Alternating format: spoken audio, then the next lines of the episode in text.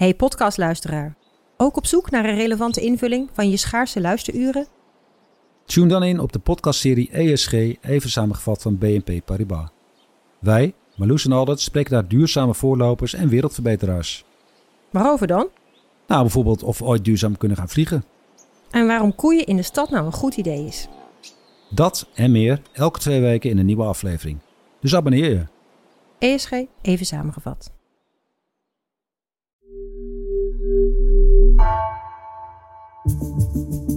Vanaf de redactie van NRC het verhaal van vandaag. Mijn naam is Egbert Kalsen.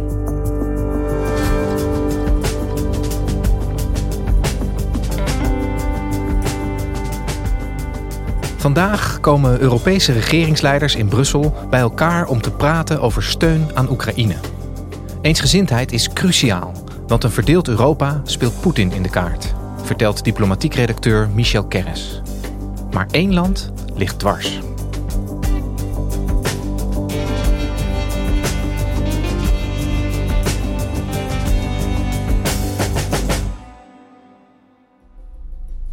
Michel, jij bent uh, in Brussel en het is een belangrijke dag voor Europa en voor Oekraïne, hè? Ja, dat klopt. In Brussel komen de Europese regeringsleiders bijeen voor een tweedaagse top.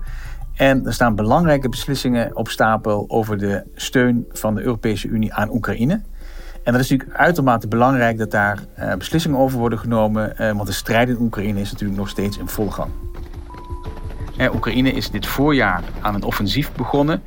Maar het lukt het land maar niet om uh, door de Russische linies echt duidelijk door te stoten. Uh, er wordt wel een beetje terreinwinst geboekt, maar er zijn voortdurend beschietingen. En eigenlijk zit de zaak een beetje vast.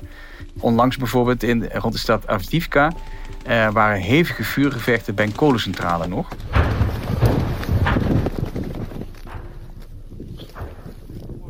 Rusland wordt ook steeds agressiever in de aanval als het gaat om burgerdoelen. Zo is Kiev deze week bestookt met kruisraketten. In de Oekraïnse hoofdstad Kiev zijn zeker 50 mensen gewond geraakt door een Russische luchtaanval met raketten. 13 van hen moesten naar het ziekenhuis. Er was er vorige week een grote droneaanval op de stad, voor het eerst in lange tijd. Let's take you to Ukraine, where officials say Russia has launched the largest drone attack on Kiev since Moscow's full-scale invasion began. Dus je voelt aan alle kanten dat uh, Oekraïne nu echt steun nodig heeft, dat het land toch een beetje in het nauw zit. En een groot deel van de Europese Unie wil steun leveren en wil die steun ook structureel leveren voor de komende jaren. Maar niet alle lidstaten zijn het daarover eens. Ja, er staat nogal uh, wat op het spel, zou je kunnen zeggen. Um, wat is nou het belangrijkste punt dat wordt besproken tijdens deze EU-top? Nou ja, het krachtigste instrument wat de Europese Unie ter beschikking heeft, überhaupt om Oekraïne uh, te steunen, is door het land een volwaardig lidmaatschap van de Unie in het vooruitzicht te stellen. Dat geldt voor Oekraïne en dat geldt ook voor Moldavië, het kleine buurland van Oekraïne, wat zich ook bedreigd weet uh, door Rusland. En op den duur ook zelfs voor Georgië dat al sinds 2008 uh, met Rusland aan de stok heeft. Nou, Oekraïne en Moldavië hebben het afgelopen jaar een soort van voorexamen afgelegd om te bewijzen dat ze eigenlijk wel in staat zouden zijn om serieuze toetredingsonderhandelingen met de EU te beginnen en die ook uh, tot een goed einde te brengen. En de commissie heeft uh, dat examen beoordeeld, de Europese Commissie, en gezegd: ja, zij zijn eigenlijk nu zo ver dat ze in staat zijn om serieuze onderhandelingen te voeren, dat we dat uh, ook nu kunnen beginnen. Today is a historic day because today the Commission recommends that the Council opens accession negotiations with Ukraine and with Moldova. Dus regeringsleiders, geef alsjeblieft groen licht voor het openen van toetredingsonderhandelingen met Oekraïne en Moldavië. En dan kun je onderhandelingen starten. En dan moet je denken dat dat zeker nog vijf tot tien jaar gaat duren voordat ze lid worden.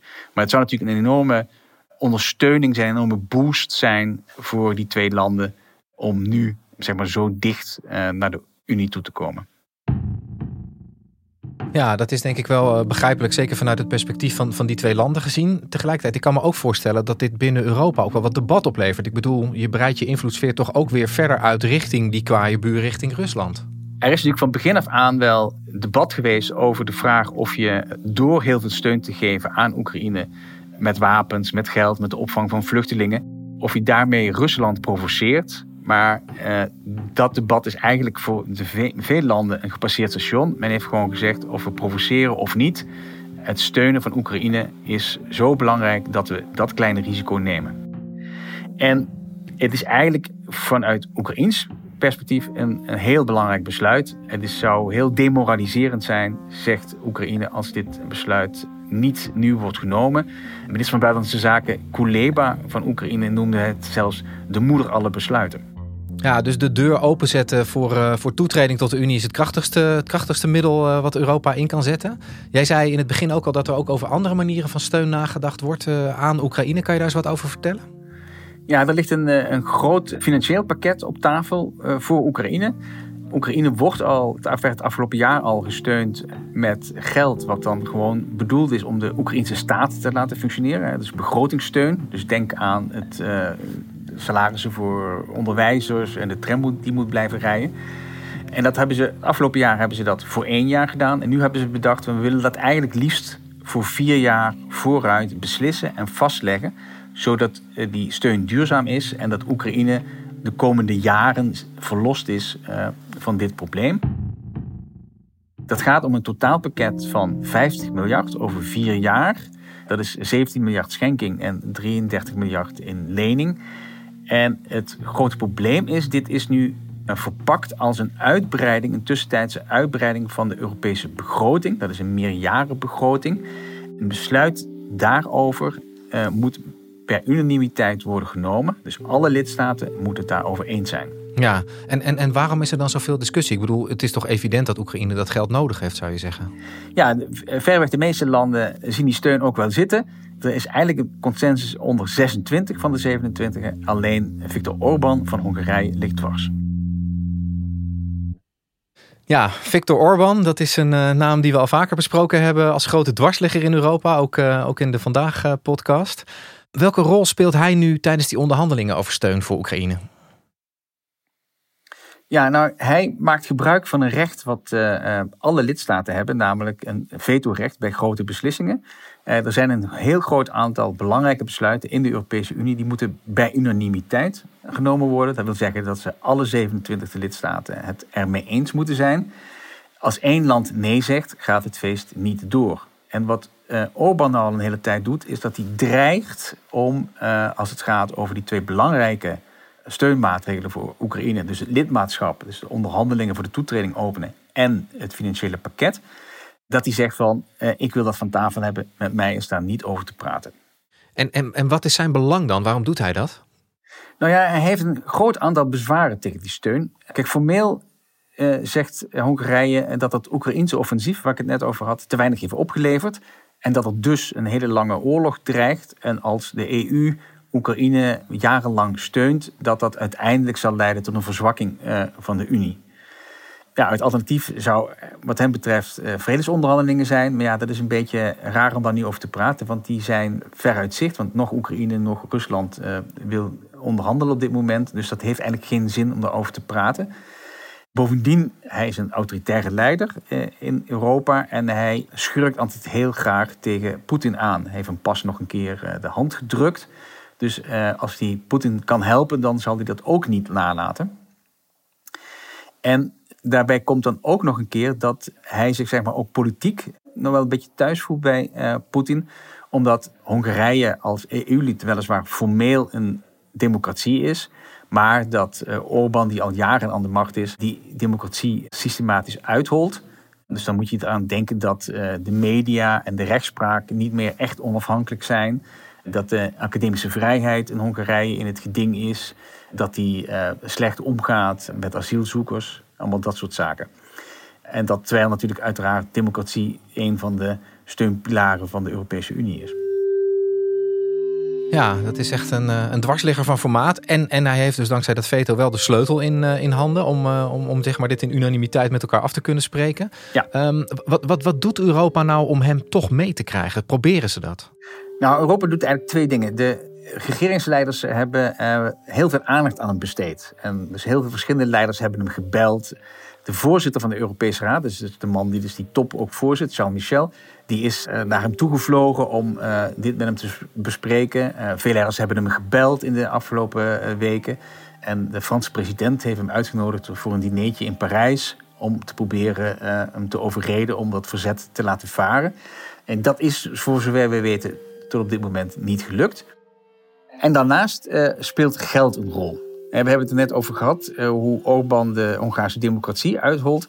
Nou, daar heeft hij straf voor gekregen van Brussel. En die straf houdt in dat geld dat hem eigenlijk toekomt, bevroren is. Dus hij moet zeg maar, democratische stappen zetten om de democratie te verbeteren.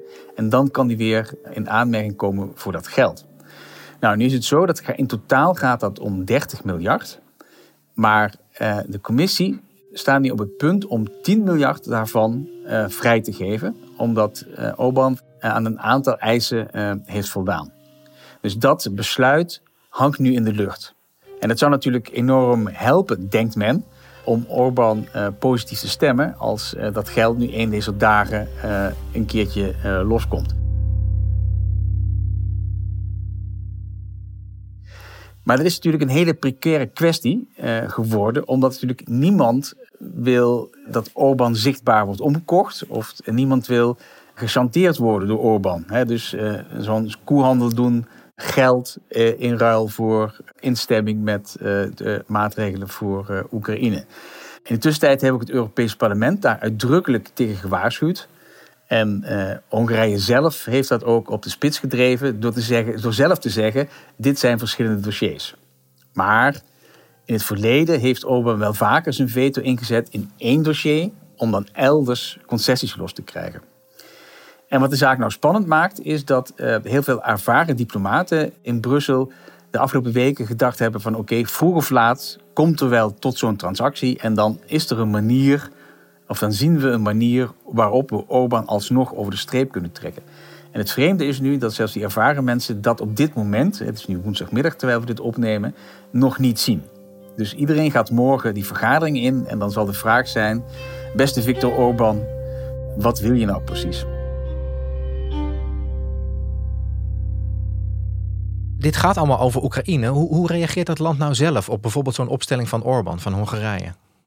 Nou ja, het grappige was dat Zelensky was afgelopen weekend in, uh, in Argentinië bij president, de nieuwe president, Javier Milei. En daar kwam hij toevallig naast Viktor Orban op het podium te staan. En ze hebben elkaar heel kort gesproken, eh, ik geloof maar 20 seconden. Het ging natuurlijk hierover. Uh, wat daar precies gezegd is, weet ik niet.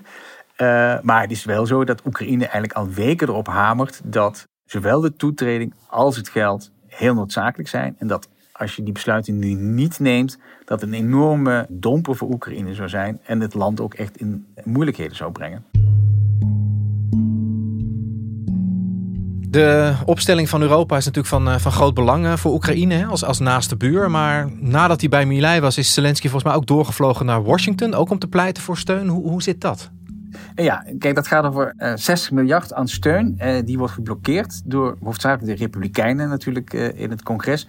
En die Republikeinen zijn een beetje tegen Oekraïnse steun, maar die zijn vooral tegen Biden. Dus die doen er alles aan om Biden dwars te zitten op dit moment. En de vraag is dus of er nog een manier gevonden kan worden door het Witte Huis om die steun alsnog los te krijgen.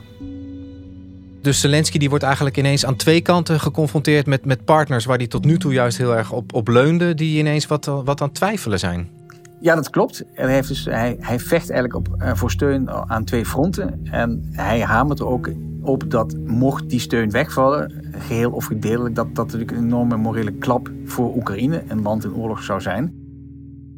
En het is natuurlijk altijd zo dat als je steun wegtrekt van Oekraïne, dat je daarmee Poetin in de kaart speelt. Poetin spint er uitdrukkelijk kaart bij als de steun uit het Westen uh, afbrokkelt. Als de eensgezindheid eraan gaat. Als er voortdurend discussies zijn in die samenlevingen in de Verenigde Staten. Of tussen verschillende Europese landen uh, onderling. En dat is eigenlijk een beetje ook waar Poetin op hoopt. Dat het democratische Westen het niet zo lang kan volhouden als hij zelf, die zijn land als een uh, autoritaire leider uh, runt. tijd is in zijn voordeel. En die democratieën hebben het moeilijk om heel lang zoiets vol te houden. En hij speculeert daarop. Dus ook daarom is het heel belangrijk dat die steun overeind blijft. Ja, het, het cynische spel van de dictator tegenover uh, de democratieën. Als we dat nog eens even op die Europese top leggen, die vandaag is begonnen. Wat, wat verwacht jij nou dat eruit gaat komen? Ik bedoel, is er een kans dat er helemaal geen geld wordt vrijgemaakt voor Oekraïne? Uh, nee, ik denk dat de steun voor Oekraïne op een of andere manier door zal gaan. Maar misschien dan niet volgens dit vierjarenplan wat nu op tafel ligt. Je kunt je voorstellen dat je steun regelt voor een kortere termijn en misschien nog iets aan die uh, bedragen doet. Een soort noodoplossing zou natuurlijk zijn om met 26 landen buiten de EU om een apart nieuw fonds voor Oekraïne in te richten. En dan gewoon op die manier Orbán definitief buitenspel te zetten. Het probleem daarvan is natuurlijk wel dat je daarmee precies dat doet wat Poetin wil, namelijk eh, je doorbreekt de eenheid van Europa op een heel belangrijk moment. In de ogen van veel Europese landen is dat, zou dat een afgang zijn. En dat ligt eigenlijk wel nog extra gevoelig, omdat er ook op twee andere punten van steun voor Oekraïne al moeilijkheden zijn eh, ontstaan. De Europese Unie financiert ook wapens voor Oekraïne. En dat willen ze ook graag op een termijn van vier jaar vastleggen. Nou ja, daar is grote discussie over ontstaan. En wat ook een beetje beschamend is, eigenlijk de Unie had beloofd om voor uh, maart dit jaar 1 miljoen uh, granaten, 155 mm granaten te leveren aan Oekraïne. Daar is enorme behoefte aan op het moment. En het ziet er naar uit dat de hele EU niet samen niet, samen niet veel verder komt dan 350.000. Dus er zijn al twee punten waar al uh, veel discussie over is. En als deze erbij zouden komen, zou men dat toch echt wel als een uh, beschamende optreden van de Europese Unie zien. Ja, dus het wordt om meerdere redenen heel spannend uh, de komende tijd in Brussel. Um, wanneer weten Zelensky en Oekraïne nou of ze die steun kunnen krijgen? Wanneer is de deadline voor dit pakket? De regeringsleiders hopen dit uh, op deze top uh, af te ronden. En ze, ja, het zal waarschijnlijk nachtwerk worden. Het zou kunnen dat het ook nog doorgaat tot in het weekend. Want zoals één hoge EU-ambtenaar deze week zei... het gaat per slotverrekening over veel geld en over geschiedenis. Dus het kan heel lang duren. Dankjewel, Michel. Graag gedaan. Je luisterde naar vandaag, een podcast van NRC. Eén verhaal, elke dag. Deze aflevering werd gemaakt door Ruben Pest, Suzanne Jutschel en Jeppe van Kesteren. Coördinatie Henk Ruigrok van de Werven. Dit was vandaag, morgen weer. Technologie lijkt tegenwoordig het antwoord op iedere uitdaging. Bij PwC zien we dit anders. Als we de potentie van technologie willen benutten, kunnen we niet zonder een menselijk perspectief. Human-led, tech-powered noemen we dat. Ga naar pwc.nl.